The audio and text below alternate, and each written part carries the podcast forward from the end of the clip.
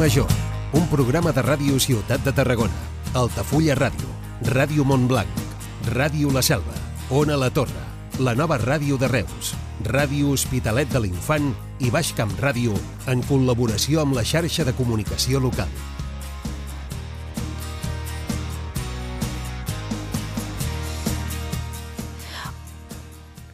Hola, bona tarda, benvinguts un dia més a Carrer Major. Això és el programa que fem les emissores del Camp de Tarragona amb el suport de la xarxa audiovisual local. Avui una de les notícies de la jornada és que l'Audiència de Barcelona ha arxivat de forma definitiva la causa contra l'exdiputada de la CUP, Anna Gabriel, per l'1 d'octubre d'acord amb el criteri de la Fiscalia i la defensa, i després que Vox, eh, que exercia l'acusació popular, no s'hi hagi pronunciat. Recordem que el 18 de gener de l'any passat el Suprem va enviar Gabriel a judici per desobediència, però va traslladar la causa a l'Audiència de Barcelona, ja que ella era, no era aforada. Gabriel va tornar a l'Estat el 18 de juliol i va compareixer davant del magistrat Pablo Llarena, que la va deixar en llibertat. Un cop rebuda la causa, l'Audiència de Barcelona va instar les parts a fer els seus posicionaments i avui s'ha tancat tot plegat amb l'arxivament d'aquest cas, doncs, que finalment no arribarà a judici. I Anna Gabriel, després de saber-se la notícia, ha piulat que és una sensació agradolça. Diu que la repressió segueix ben viva contra moltíssimes persones del país. I sobre la crisi de la, pages, de la pagesia, hi continua havent mobilitzacions en alguns punts del país, també previstes eh, protestes a Madrid, i el conseller d'Acció Climàtica, Alimentació i Acció Rural, David Mascor, ha anunciat avui que preveu que la finestreta única perquè pagesos, ramaders i productors puguin fer tràmits amb la Generalitat estigui a punt a finals de març. És una de les reivindicacions del sector que se simplifiqui eh, la burocràcia. I avui el conseller, en una entrevista a Ràdio 4 i a la 2, ha comentat que ara aquests tràmits que s'han de fer amb la Generalitat estan repartits, atenció, en 14 aplicacions. 14! Complicat, eh? I que a finals de trimestre ja es podran fer a través d'un portal únic. El conseller ha assegurat que hi està treballant des de molt abans de les protestes que han esclatat aquesta setmana. Pel que fa a mobilitat, avui hi ha tornat a haver problemes de circulació ferroviària entre Tarragona i Reus eh, per un problema en la senyalització, un problema en la fibra òptica que ha afectat la senyalització i que ha anat provocant retards d'uns un, 20 minuts en la circulació ferroviària. Uns problemes que també es van produir ahir i que, més, avui coincideixen amb la vaga de Renfe i Adif que ha convocat Comissions Obreres. I recullo unes declaracions d'un usuari eh, que han aparegut en titular, a més, a l'Agència Catalana de Notícies, perquè els que utilitzem el tren sovint ens hi sentirem identificats. Diuen, el servei és tan pèssim que si anés bé notaríem la vaga. Al marge d'això, avui, a nivell de territori, recollim les declaracions que ha fet, i després les sentireu a l'informatiu, l'alcalde de Salou, Pere Granados, que ha demanat la dimissió del govern de la Generalitat pel cas del Hard Rock, pel tema del Hard Rock, perquè considera que està incomplint els seus compromisos. I ha sigut així de contundent després d'unes declaracions a la diputada d'Esquerra, Raquel Sanz, al programa Salut de Plens de TAC12, unes declaracions que també recuperarem a l'informatiu. Això és Carrer Major. Ara comencem dues hores de ràdio al Camp de Tarragona des de vuit emissores del territori. L'equip del programa el formem l'Iris Rodríguez, l'Aleix Pérez, en David Fernández, la Cristina Artacho, l'Adrià Requesens, en Jonai González, l'Antoni Mellado, Antoni Mateos, jo mateixa que sóc l'Anna Plaça i el Iago Moreno que el tenim al control tècnic. Comencem.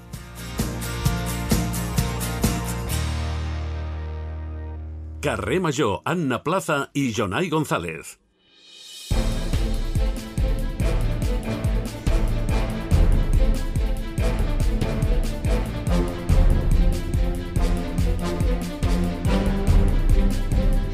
Quatre i vuit minuts. Saludem en Jonai González. Jonai, bona tarda. Molt bona tarda.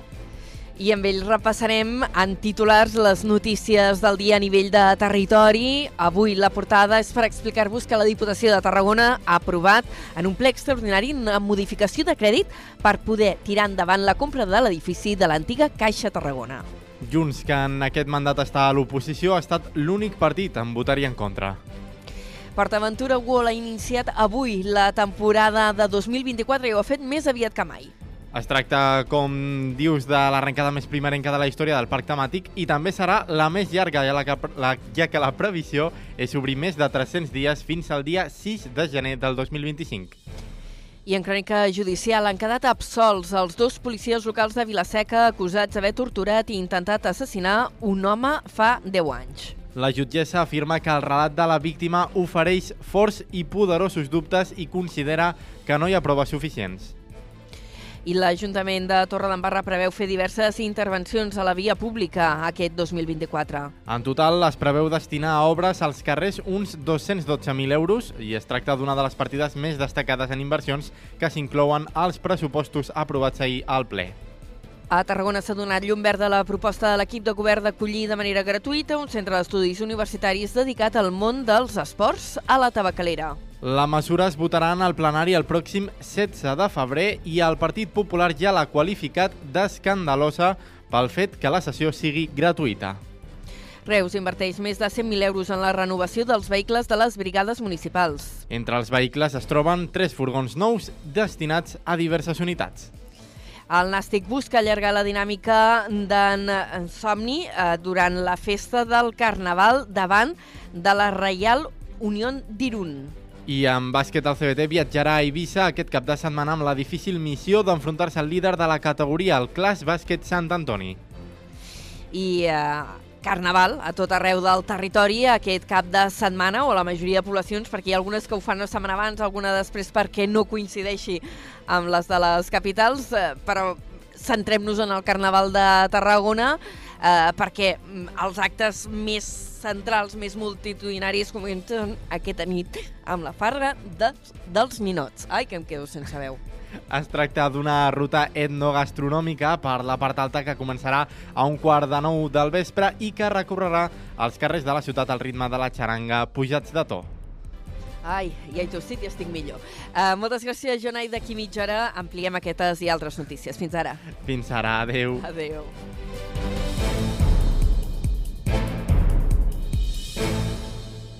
Carrer Major. Toni Mateos.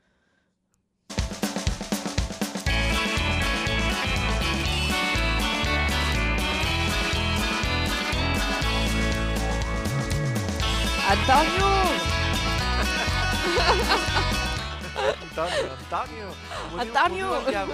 El Iago, el nostre tècnic, m'ho diu. Antonio! Sí, Antonio! Antonio! Mira, no ho sabia, com que no, no estic al, al corrent de les vostres converses. Ui, no m'ho diu, diu molt poca gent, això d'Antonio. Eh, Sí. M'ho diuen per, per, per, per, per fer-me rabiar. Eh, m'ho diuen, eh, què pone en tu DNI? Antonio! Dic, Antonio. El I meu ho padrí s'ho deia. A mi m'agrada, Antonio. No, no, i tant, i tant. I, sí, sí, sí. Molt bé, molt bé. Com estàs, Anna Plaça? Uh, doncs mira, la veritat és que amb ganes de cap de setmana. I jo que sempre he sigut molt carnavalera, enguany no sé per què, però em fa una mica de peresa, eh? Però ja saps He tingut que carnavals molt memorables, però enguany Sí? no estic inspirada, no sé. Ja saps, Anna Plaça, que sona una mica de Georgie Dan, una mica de Rafaela Carrà i remires Explota, a explota, m'expló. Exacte. Explota, explota mi la- corazón. Plas. Eh, pas, pas. I tu amb la melena rossa, pues vinga, va. Sí. Mira, això ho si acaso tenim, eh? Bueno, ara és melena rossa amb canes, però és igual, queden molt Bueno, igual, dissimulades. Però, ro- però rosa, i ja està. La natural, eh? És que encara té, té, té mèrit. Molt Sí, bé, sí. Escolta'm una cosa. Mira, jo avui mm, recuperem secció amb la Paula Jansà. Ai, amb la Paula Jansà, ai, pobra. Amb la Paula, Amb la- calla. Encara Calla, em surt, eh? Paula Jansà, que ens va acompanyar Paula molt de temps Jansà. aquí a Carrer Major, que ara la tenim treballant a Canal Reus. Calla, no, no, a que la m'he Paula Espelt. A la Paula Què? Estel. Amb la Paula Espel, Sí. que ha vingut... Baixa't, baixa't, oh, estic cridant molt. Em, diu, eh, em diuen, em diuen des de Tarragona, que tinc el micro molt fort. Uh, doncs avui torna la Paula Espel, que ara feia setmanes que no hi parlàvem, perquè eh, diumenge passat va estar a la catifa vermella dels Gaudí Oh, i ens ho explicarà tot i sentirem un munt d'entrevistes. Què et sembla? Oh, molt bé, molt bé. Parlant de Paula Jansà, a la que has Sí? anomenat, Sí? ahir el Què? va cantar amb el Jordi Cartanyà, van cantar tots dos i s'ha posat a ploure. I Ostres! Ho feien molt malament o què? Però fatal. O sigui, Fatal. fatal. O sigui, Paula Jansà, de, menys, mal, menys mal que no va tirar cap al cante, perquè Déu de com Déu. canta Paula Jansà, de veritat. És, és com assassinar un gat. El, el, el Ai, Cartanyà- pobra xiqueta. Cartanyà bé, Cartanyà és músic, té més o menys la... la Hosti, mira que agafa- fa anys que el conec i, i això no ho sabia, que era músic. Sí, sí, sí, sí, li agrada molt la música, és músic. Té el to agafat, però la Jansà... Oi, mare de Déu, senyor. I per això Perquè no m'has sentit dematí. cantar a mi. Doncs mira, des d'aquí, una abraçada a Paula Jansà, que va estar una temporada o dues, ja no ho recordo, aquí a Carrer Sí, Major, que ara la tenim a Canal. Reus, i el company Jordi Cartanyà, que no ha estat mai a Carrer Major, però que és una de les grans veus radiofòniques del nostre territori. Millor I veu i escolta'm, persona. Gran veu I, i sí, persona. és molt simpàtic, és molt majo, molt el Jordi. és molt maco, Cartanyà. Um, escolta, que ens enrotllem com a persianes. Jo ara parlarem de cinema amb la Paula Espelt, no amb la. Paula Jansà, amb la Paula Espelt, i tu a partir de les 5 què faràs? Doncs mira, parlarem de Carnaval. Avui serà un programa... Hi haurà molta ciència també. A l'entrevista local parlarem amb el professor Àngel Cid, que ell és director de l'Escola Tècnica Superior d'Enginyeria. Parlarem de la First Lego League, que Oh, demà yes, dissabte... que és ja, és ja. Sí, demà dissabte, demà dissabte a la Fira Reus doncs tindran aquesta Lego League eh, per fomentar doncs, la ciència, la tecnologia, la robòtica entre els més petits de casa. A mi em Ah, flipa. Sí, sí, i tant. Fan unes coses increïbles. Sí, per això em flipa, perquè dius, hosti, pro- que són canalles. un problema i, i la, la canalla ho resol amb un robot. Amb un robot. Amb un robot. Sí, sí. Increïble. Bueno, ja t'explicaran com ho fan, perquè jo no ho acabo de- d'entendre, allò com canalla tan petita, perquè comencen amb 6 anys, eh? Els més petits Sí, sí, que els més participen petits tenen sis anys, a la sí, first... sí. Que, que dius, són molt crios. Què més? Des, després, eh, parlem de carnaval, sempre veiem el carnaval, tal, però hi ha una feina al darrere molt gran i Yes. també hi ha gent molt boja que decideix crear una comparsa de carnaval del, del no-res, des de zero. Parlarem amb una colla que enguany és el seu primer any, la comparsa Ah. Golden Times, eh, Yes. colla de nova creació, doncs com s'ho han muntat, com ha estat això de, de la carrossa, com ha estat eh, les disfresses, la, la feina que no es veu, la feina invisible. D'on són? Au. Sí, sí. De- Traurem... D'on són? D'on de són? Tarragona, de Tarragona. Ah, coi, Comparsa eh, Golden Times de Tarragona. molt bé. Traurem el Quantum, l'Aleix li tocarà una mica l'aire eh, de Reus, el vent de Reus, perquè anirà cap al Mercadal de Reus per parlar amb el president de la Federació Reusenca d'Associacions de Carnaval, la FRAC, el Pere Torellols, per parlar-nos dels actes de Carnaval, que a més a més estaran a punt d'encetar amb aquella hora el ball a la, a la plaça. Banda sonora del Camp de Tarragona i la furgoneta, doncs més Carnaval, amb la prèvia de la baixada del Pajarito, amb Home. la Cristina Artacho. És un dels meus actes preferits ever del Carnaval tarragoní. Doncs mira, andròmines i pajaritos cap I avall. has anat mai? Eh, no, aquí a la Selva també fan una baixada de, de, de trastos i de... Aquí li diuen d'andròmines, me sembla. Una és que és, és una gran petardada. Jo sóc molt fan del pajarito. Molt bé, molt bé. D'acord, Toni. Doncs tot això a partir de les 5 ens escoltem després. Perfecte, Anna. A Fins ara. Adéu. Adéu, adéu. Auf Wiedersehen. Yes. Cada tarda de dilluns a divendres fem parada a Carrer Major.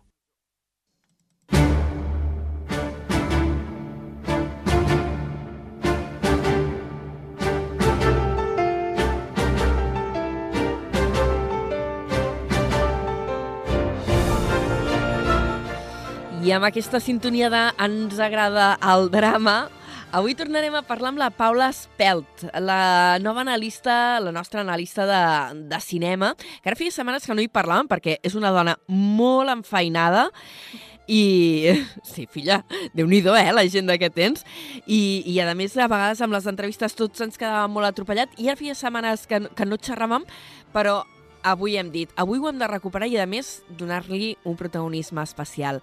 Paula, bona tarda, benvinguda a Carrer Major una altra vegada. Bona tarda, Anna. Quina il·lusió.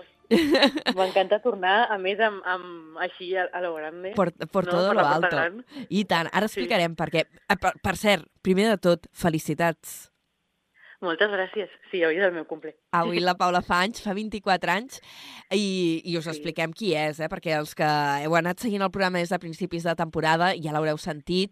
Uh, la Paula és una jove periodista, comunicadora, que, a més, amb una colla que esteu com a llums i sou uns motivats, heu engegat un programa, ja fa un parell d'anys que aneu en dansa, que es diu No som ningú, no som ningú, de cinema a una a la torre, que us esteu fent un lloc que des de la plataforma, des del sofà, us acaben donar, de donar un premi al millor cover en català, que això encara esteu flipant, no? Home, molt fort, eh? Perquè a més és un cover allò còmic que nosaltres el vam presentar una mica per, per la gràcia i de sobte, no, que heu guanyat. O sigui, no vam anar ni, a, ni la... No vam seguir ni l'entrega de premis perquè pensàvem que no guanyaríem. Sigui, imagina't.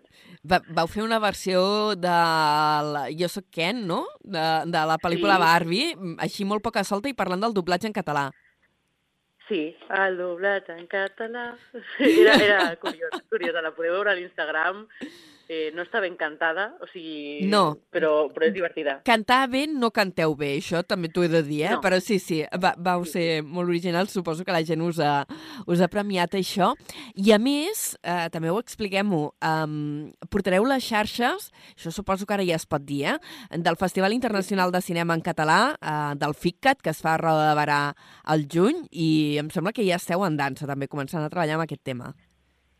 Doncs sí, o sigui, vam, vam anunciar-ho al desembre, uh, ara ja vam anunciar l'eix temàtic del FitCat, que és literatura i cinema, i a més ja hem penjat alguns vídeos i ens han pogut veure per les xarxes del FitCat, i a més el, estem preparant ja el llançament de, de la pel·li inaugural, però encara és tot super, super, super top secret. Ah, doncs de moment no ho diguem. Escolta, ja segur que a Carrer Major tindrem temps de parlar-ne i de fer Sí. Alguna entrevista, com Déu mana, als, als codirectors de, del FICCAT. Escolta, però avui si t'hem dit, eh, sisplau, vinga, va, Paula, torna, torna al programa, és perquè diumenge passat vas estar a la catifa vermella dels Premis Gaudí i tenim ganes de sentir veus dels protagonistes, però també de que ens expliquis com va ser aquesta experiència. Com és això de cobrir una, una catifa vermella? Bueno, va ser tan fort, Anna. O sigui, jo encara no em crec què feia allà, però va ser, va ser molt divertit. Va ser molt divertit. Nosaltres vam, vam demanar les acreditacions i ens van dir, vinga, sí, podeu venir dos. I vam anar amb una càmera i un micro i tres mòbils i amb una trucada de Discord vam fer un directe de 6 hores allà, que la veritat va ser superintens, però, però molt divertit. Mm. Uh, a més, una catifa vermella que dius, bueno, vas allà i poses el micro, però tu havies hagut de preparar... eh, Sé que portaves un dossier. Sí, portava, clar, jo eh, estava dels nervis, allò que no se m'oblidi ningú la cara, o perquè a vegades doncs, els actors els coneixes, el David Verdaguer, evidentment el reconeixes la catifa vermella, però no sé, guionistes, productors, tal, era com, jo he de conèixer tothom en aquella catifa. No he de I posar... vaig preparar un dossier amb totes les fotos i després el nom, el premi, no, nominacions i tal, i, eh, i tenia com unes quadrícules on m'anava apuntant preguntes i coses eh, durant uns quants dies i, clar, vaig arribar allà amb tot el dossier que la resta de periodistes deien, mare meva, com de preparar aquesta tia? Oh, també feia a un directe... Eh, que potser no hi havia cap altre mitjà fent... Bueno, hi havia Catalunya Ràdio segurament, però no sé si van fer aquest intensiu d'entrevistes que, va, que vas fer. No, Tu. no, no. Sí, a la, la bogeria que vam fer nosaltres i a més amb la infraestructura que teníem, que era crec que la pitjor de tot el mitjà que hi havia allà, eh, eh, o sigui, no, no, no té cap tipus de sentit perquè, clar, estàvem en directe, però, per exemple, a TV3, que els teníem al costat, que ningú s'hi volia posar al costat allò per eh, que fa sempre una mica de, De respecte, basarda. clar. Sí, sí, sí. Eh, doncs nosaltres no, només hi havia aquell lloc i vam dir, doncs aquí. I ens vam plantar allà al costat de TV3 i clar, ells tenien les entrevistes pactades. Ells diuen, a 52 entrem i ja, ja saben a qui entrevistaran i els actors venen. A nosaltres ningú ens coneixia. Llavors nosaltres anàvem allà amb el micro perseguint a la gent que va ser, va ser divertit també.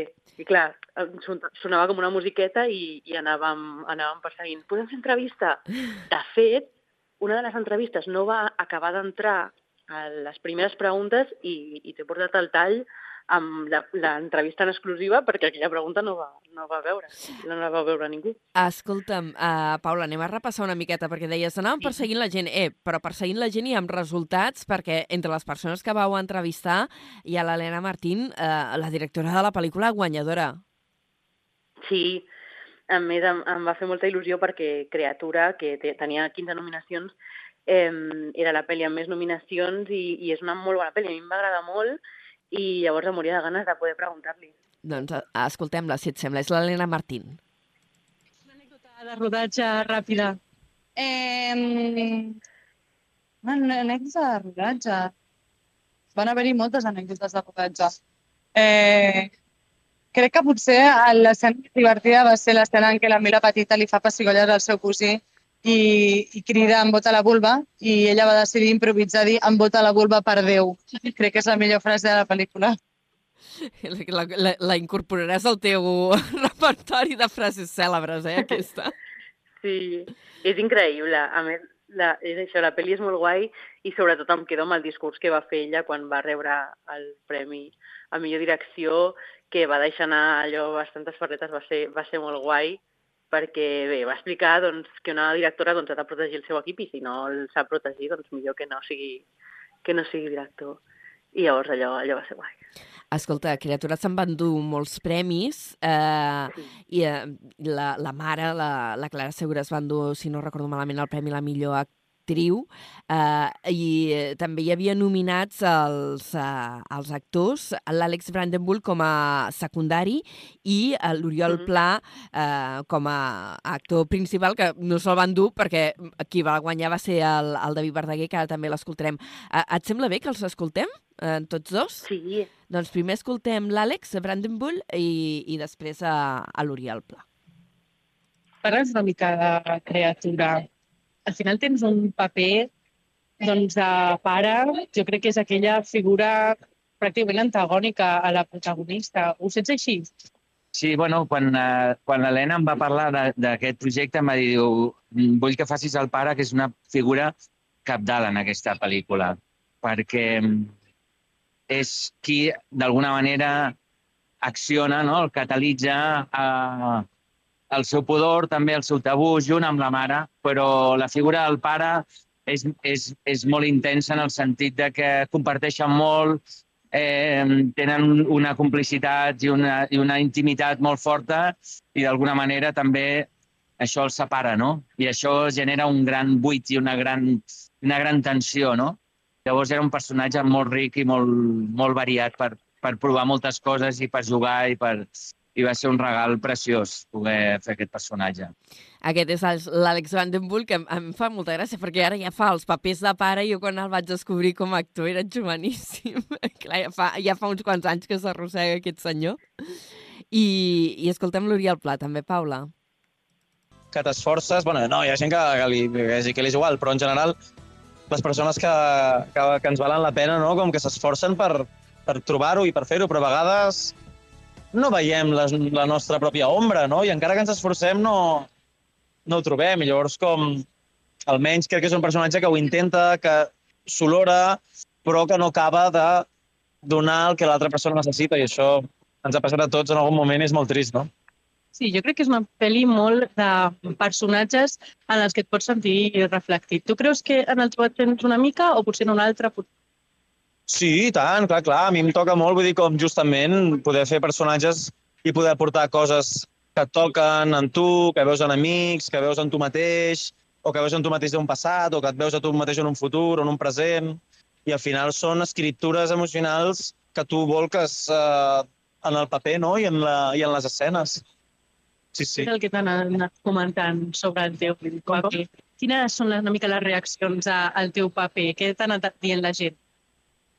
Que, que l'emocionava molt, que de cop sí, gent que s'hi sentia, que s'hi sentia molt identificat, que, que li feia molta...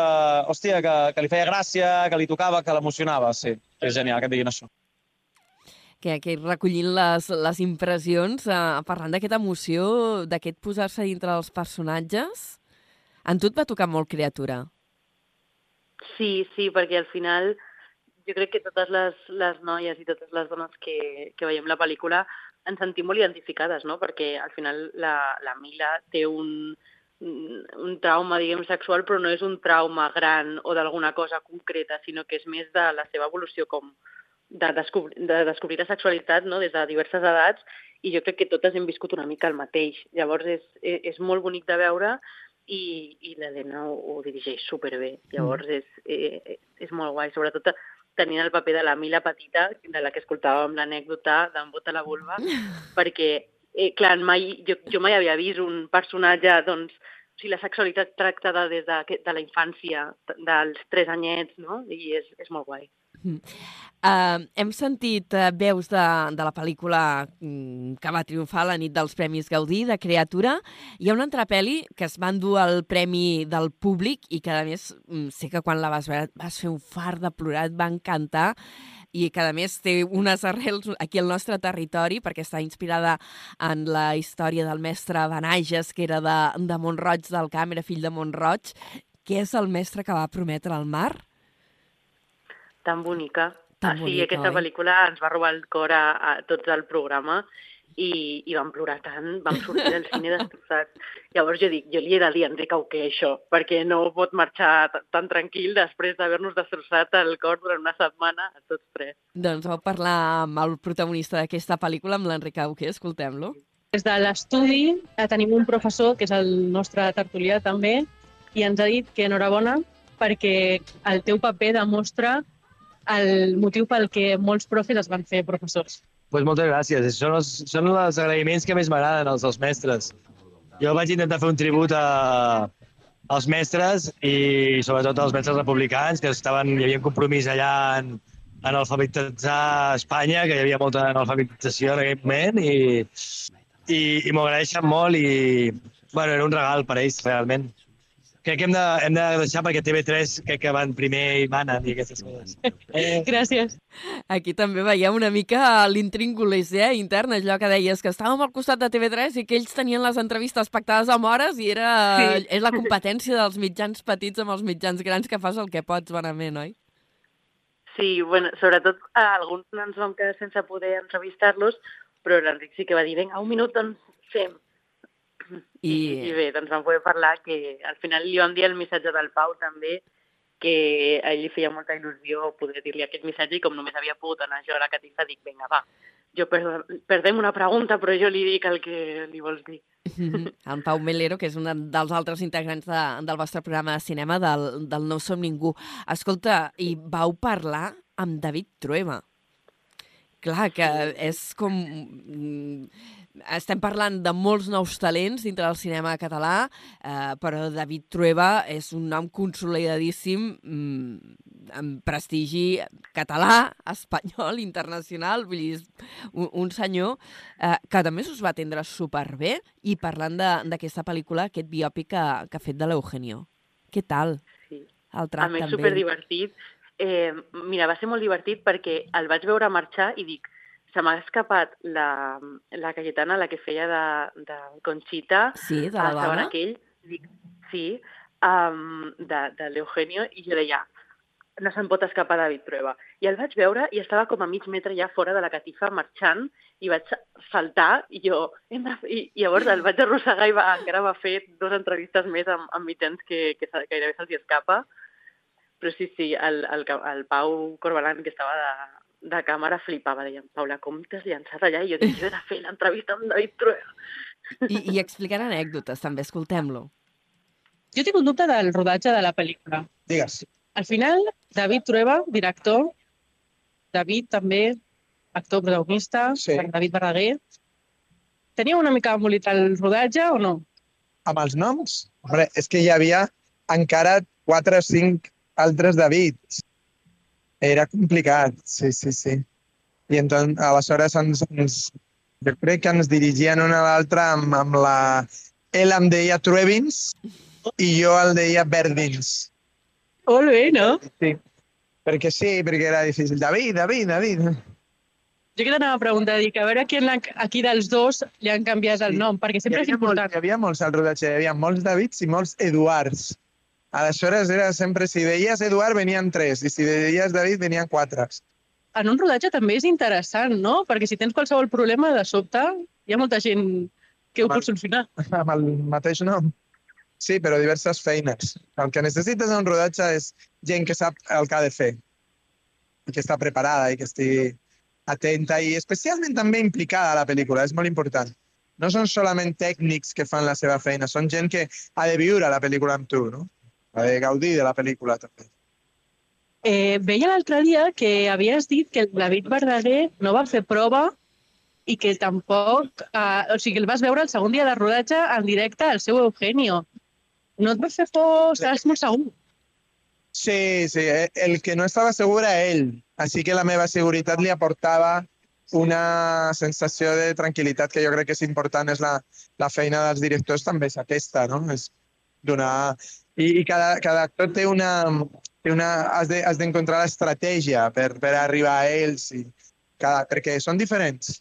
I en el cas del David era aquesta, jo crec, la sensació de que tu estaves tranquil, aleshores no, nada dolent passaria. Tu l'has vista, no, també? Ho saben aquell? Sí, sí, ens, ens va agradar molt. Perquè, clar, nosaltres, per generació, l'Eugenio ens agafa una mica tard. I llavors, clar, de sobte descobrir l'Eugenio, a més, en aquesta pel·li, no?, on la Conxita també té molt protagonisme i que diguem que agafa la part de la seva vida que potser no és tan coneguda, doncs ens, ens va agradar molt i ens va sorprendre molt en, en molts sentits i, i llavors va ser molt guai. I a més després vam poder parlar amb David Verdaguer i contrastar la informació com a bones periodistes i ens va confirmar també el, el Safareig i el Verdins i el Truebins. Que, que va ser molt maco, David Verdaguer, també, en l'atenció a mitjans i explicant anècdotes, també. Mira, escolta, el que, el que us va explicar, vaja.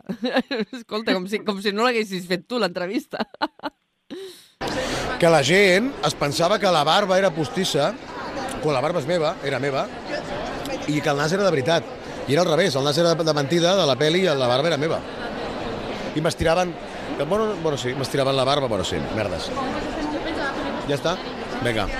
Eh, hola, eh, jo volia preguntar pels acudits de l'Eugenio. N'has explicat més al, durant el rodatge o després a la promo? Més, perquè a més ens apreníem molts, molts, molts acudits i el trobo de ara compte este, em anava dient llançant com inputs per anar escalfant el públic, per anar d'això.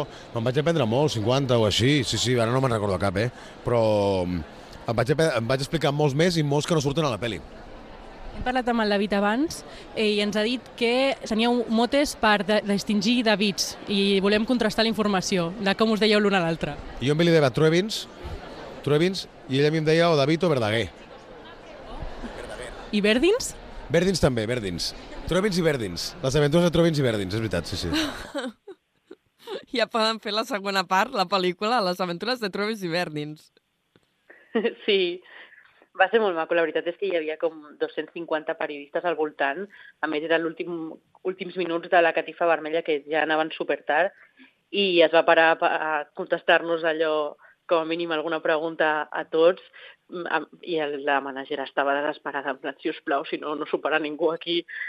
I, i va ser supermaco. O sigui que li agraïm moltíssim que, que parés a parlar amb nosaltres. Aquí, aquí es veia, perquè la primera pregunta no l'havies fet tu, eh, devia ser allò, tots els mitjans assaltant, perquè a més era una mica allò que es veia venir, no que guanyaria ella el, el premi a millor actor protagonista.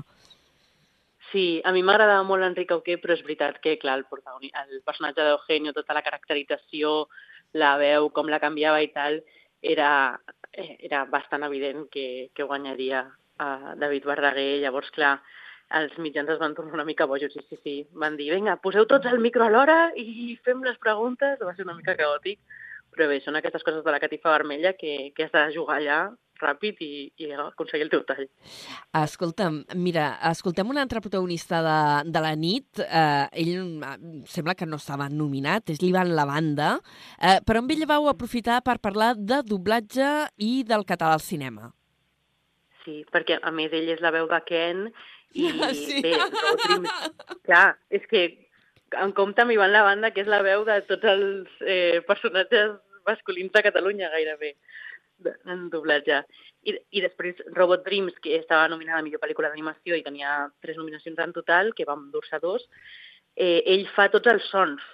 Sí. de la pel·li, perquè la pel·lícula no té diàleg, però sí que té sons, i tots els sons que fa el robot són Ivan la banda. Llavors també estava allà com a protagonista de la pel·li d'animació i, i vam dir, i hem de preguntar pel doblatge perquè després de, de sortir els números de, de la quantitat de cinema en català que hi ha a les sales, que és un 2,8% des del 2017 fins al 2021, em va semblar molt fort. També és veritat que l'Ivan la banda em va, em va donar una repassada així de periodista interessant. Sí, escoltem-lo. Hola. Hola. Què tal? Bona nit. Bona nit. Pensàvem que ja ens... Que riallera. Que marxaves i estàvem... No, no, no, aquí estic disposat a respondre el que em preguntis. Volíem preguntar-te per la situació del cinema en català i sobretot el doblatge en català. Sí. I la pregunta és... I la pregunta és, perdó, se m'ha oblidat que soc periodista per un moment. O sigui, ara ha sortit un informe sí. eh, que deia que des del 2017 fins al 2021 a les pel·lis en llengua catalana al cinema han sigut només un 2,8%. Sí que és veritat que hi ha més inversió en doblatge després del pla de la GN, però encara queda molt camí per recórrer. Creus que les mesures que s'estan prenent són suficients? Uh... Home, està clar que no.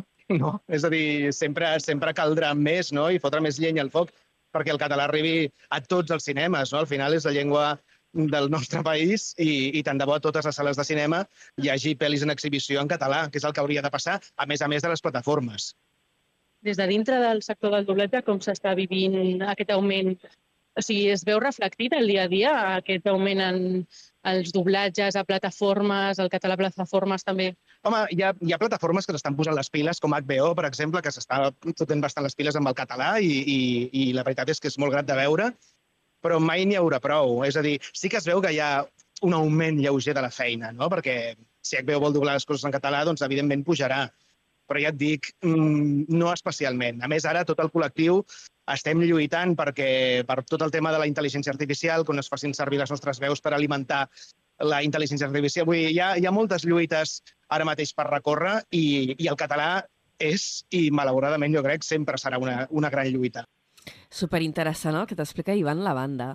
A més, eh, clar, és un, acti, un actor polifacètic, ha fet eh, musicals, eh, és actor de doblatge, l'hem vist a Polònia fent 50.000 personatges, una meravella de persona, oi?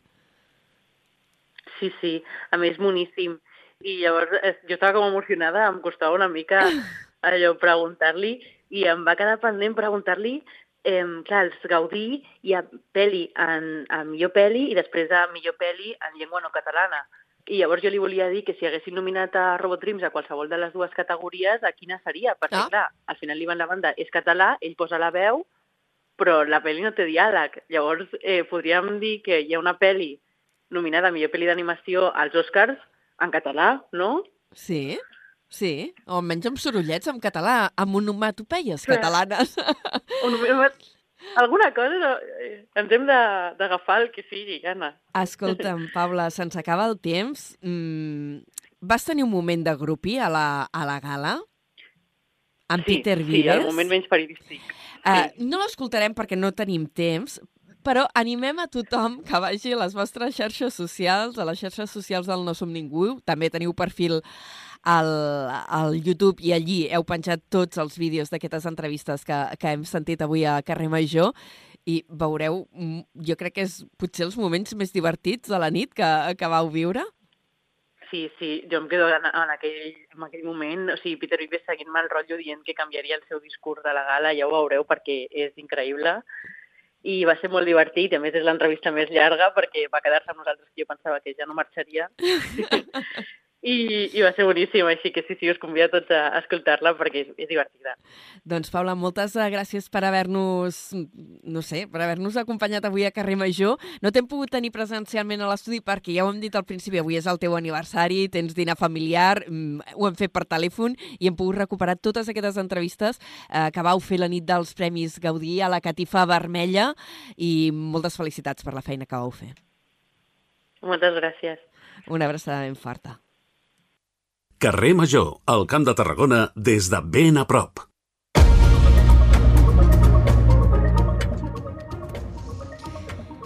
Vinga, seguim en directe a Carrer Major. Falten 3 minuts per arribar a 3 quarts de 5 de la tarda. I ara, després de parlar amb la Paula i haver fet aquesta repassada de, dels Premis Gaudí, de com funcionava la catifa vermella i tot plegat, ens posem una mica més seriosos i anem a repassar les notícies que abans apuntàvem amb titulars. Ara les ampliem.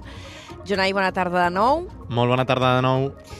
Comencem amb un avís de protecció civil que ha activat l'alerta del Pla Bencat per la previsió de fortes ratxes de vent a la meitat del sud del país. El Servei Meteorològic de Catalunya informa que aquest episodi començarà al matí demà dissabte i es preveu que s'allargui a la matinada i matí de diumenge. El vent bufarà de component oest de Mestral amb ratxes que poden superar els 100 km per hora, l'extrem més sud, el de les Terres de l'Ebre, i que pot situar-se entre els 70 i els 80 quilòmetres a les comarques del Camp de Tarragona. Dit això, una de les notícies del dia és que la Diputació de Tarragona ha aprovat avui, en un ple extraordinari, la modificació de crèdit per poder tirar endavant la compra de l'edifici de l'antiga Caixa Tarragona.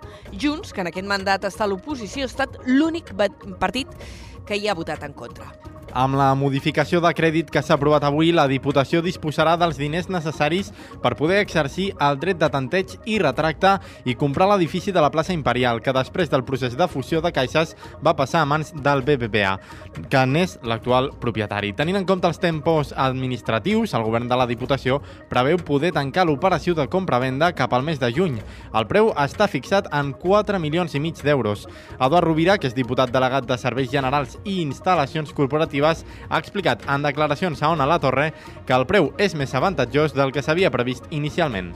I aquest és la, la, el primer pas per exercir aquest, aquest, aquest dret de tanteig i poder adquirir un edifici que per les valoracions que teníem fetes, perquè d'alguna manera estàvem preveient que algun moment es produiria aquest fet d'una venda a un tercer i que nosaltres hauríem d'exercir aquest dret de tanteig, s'havia valorat eh, internament amb 7 milions 300 i amb una auditoria externa 7 milions 200. Per tant, estem eh, molt per sota del preu de, de, de mercat d'aquest edifici un cop comprat l'edifici de Caixa a Tarragona, la Diputació té previst invertir-hi uns 5 milions d'euros per posar-lo al dia i traslladar-hi bona part dels seus treballadors, amb voluntat de centralitzar els serveis a la plaça Imperial Tàrraco. I des de l'oposició, com dèiem, tot i que aquesta opció de tempteig i retracte per comprar l'edifici que ara s'exerceix es va aprovar fa 10 anys, quan encara era president Josep Poblet, avui Junts, que ara, com dèiem, està a l'oposició a, a la Diputació de Tarragona, ha votat en contra d'aquesta modificació de crèdit eh, per fer possible l'operació. La diputada tortosina de Junts, Meritxell Roger, ho ha justificat manifestant que l'edifici no hauria de ser una prioritat per a l'ENS i ha qüestionat els recursos de la Diputació que té previst invertir a la ciutat de Tarragona referint-se a les actuacions que també es preveuen a la Sabinosa i a la Tabacalera. Roger ha denunciat que mentre s'adquireix més patrimoni a Tarragona no hi ha pressupost per adquirir una seu a Tortosa. A on a la Torre, Eduard Rovira li ha replicat i ha explicat que s'està buscant espai per a aquesta seu. I en àmbit econòmic, la notícia del dia. Per Aventura World comença ja temporada, és l'arrencada més eh, primerenca de la història del parc temàtic i a més també serà la temporada més llarga, ja que la previsió és que el parc temàtic estigui obert durant 300 dies fins al 6 de gener de l'any vinent. Ho ha fet amb la celebració del Carnaval, que per segon any consecutiu serveix per donar el tret de sortida a la temporada.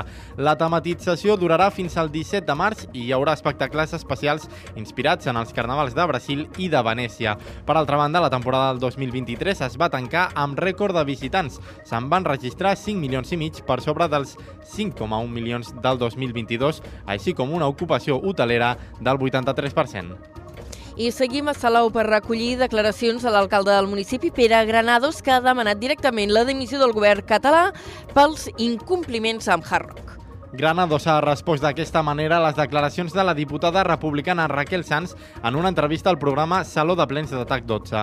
Sanz hi afirmava que tenint en compte el context actual s'hauria de fer una pausa per reprensar aquesta mena de macrocomplexes. També assenyalava que el hard rock mai ha sigut una prioritat per Esquerra Republicana. Que per una banda t'estan dient no, no has estat previsor, la sequera, s'ha de fer més, i per l'altra t'estan exigint i posant com a condició el desenvolupament d'un projecte com, com Hard Rock. No? Llavors jo crec que hi ha un moment en què ens hem d'aturar, hem de veure el context que tenim i ser conscients de, de quina realitat hi ha, no? i per tant veure realment si Hard Rock és tan urgent o no ho és. Esquerra Republicana ho hem dit i, i crec que som honestos. No? Uh, Hard Rock no és el nostre model, no és el nostre projecte, és un projecte la reacció de Pere Granados no s'ha fet esperar. Primer atac 12 i després també a l'Agència Catalana de Notícies ha demanat la dimissió del govern d'Aragonès per l'incompliment en el Hard Rock. Per tant, el que necessitem i el que necessita Tarragona, el que necessita el país, és un canvi ja de govern i un govern que governi, i en aquest cas jo crec que el que millor posicionat està és el Partit Socialista. Per tant, que convoquin eleccions, que marxin fora, que deixin treballar, que el que volem és governs que governin i que vagin a favor de lo que és el progrés i la millora de la qualitat de vida de les persones. El projecte del Harrock continua pendent de l'aprovació del Pla Director Urbanístic dels Terrenys, que està embarrancat perquè falten encara informes tècnics. I avui els diputats socialistes per Tarragona han fet valoració de la pujada del salari mínim interprofessional que s'ha aprovat tot just aquesta setmana en Consell de Ministres. Segons afirmen, la mesura beneficiarà fins a 30.000 persones de la província de Tarragona. Ens ho explica des de Ràdio Ciutat de Tarragona l'Adrià Duc. El PSC a Tarragona valora la pujada del 5% del salari mínim interprofessional que dimarts passat va aprovar el Consell de Ministres i que, segons afirmen, beneficiarà fins a 30.000 persones de la província de Tarragona.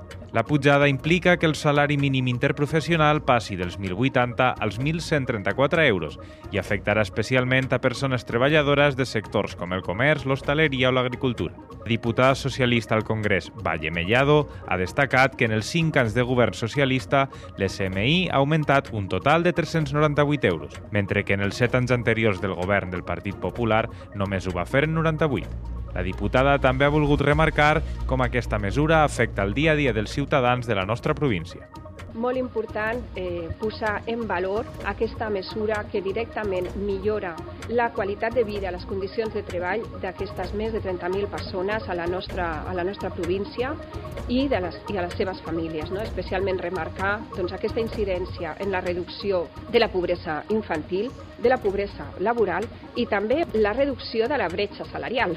En paral·lel a aquesta mesura, també ha estat modificat el reglament de l'IRPF, de manera que l'increment del salari mínim interprofessional no suposi una pèrdua de poder adquisitiu pels ciutadans. Moltes gràcies, Adri. I avui, eh, des de l'àrea d'Acció Climàtica, Alimentació i Agenda Rural del Govern català, s'ha anunciat un cinquè paquet d'ajuts directes de 7 milions d'euros al sector de l'olivera per pal·liar els efectes de la sequera que està patint el país. Aquest cinquè paquet suposa que els ajuts que ha destinat el govern de la Generalitat de Catalunya al sector primari durant el darrer any hagi estat de 168.000 168 milions d'euros. El conseller ha informat que l'acord amb el sector s'ha tancat amb un ajut de 170 euros per hectàrea en oliveres de secà a tot Catalunya i de 240 euros per hectàrea per a les oliveres en regadiu de les comunitats de regants de Riu de Canyes, Margalef i Guiamets. El sector agrari de Catalunya ja ha cobrat aproximadament uns 67 milions d'euros d'aquests ajuts que s'han anat concretant durant els darrers mesos i 87 més ja estan en tramitació. I encara una altra notícia del sector primari. El grup d'acció local Pesquer de la Costa Daurada presentava ahir dijous a la tarda la convocatòria d'ajuts d'enguany que convoca la Conselleria d'Acció eh, Climàtica, Agenda Rural i Alimentació i el Fons Europeu Marítim i de la Pesca. Des de la costa tarragonina tenen clar que és moment de fer una aposta per donar un impuls a l'economia blava. Ens ho explica des de Ràdio Ciutat de Tarragona, l'Adrià Tella. Des de la GALP Costa Daurada han volgut convocar aquesta reunió informativa per donar la informació necessària sobre uns ajuts que han de servir per tirar endavant projectes que vagin en benefici de l'economia blava. Ho explica Montse Dan, consellera de Turisme, Promoció Econòmica i Comerç de Tarragona. És una via doncs, perquè empreses, entitats o associacions relacionades amb la mar puguin fer realitats idees i projectes eh, envoltant de l'economia blava. Però quan parlem d'economia blava realment és en un sentit molt ampli. No només parlem del món pesquer, sinó doncs, tots els sectors que poden estar relacionats, comerç, turisme, gastronomia...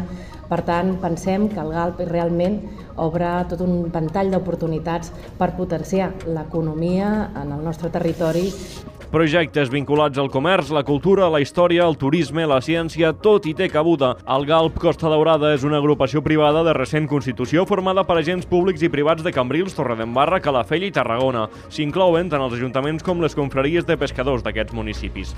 L'anualitat d'aquest 2024 són 392.000 euros per una convocatòria que preveuen obrir al públic al llarg d'aquest mes de febrer.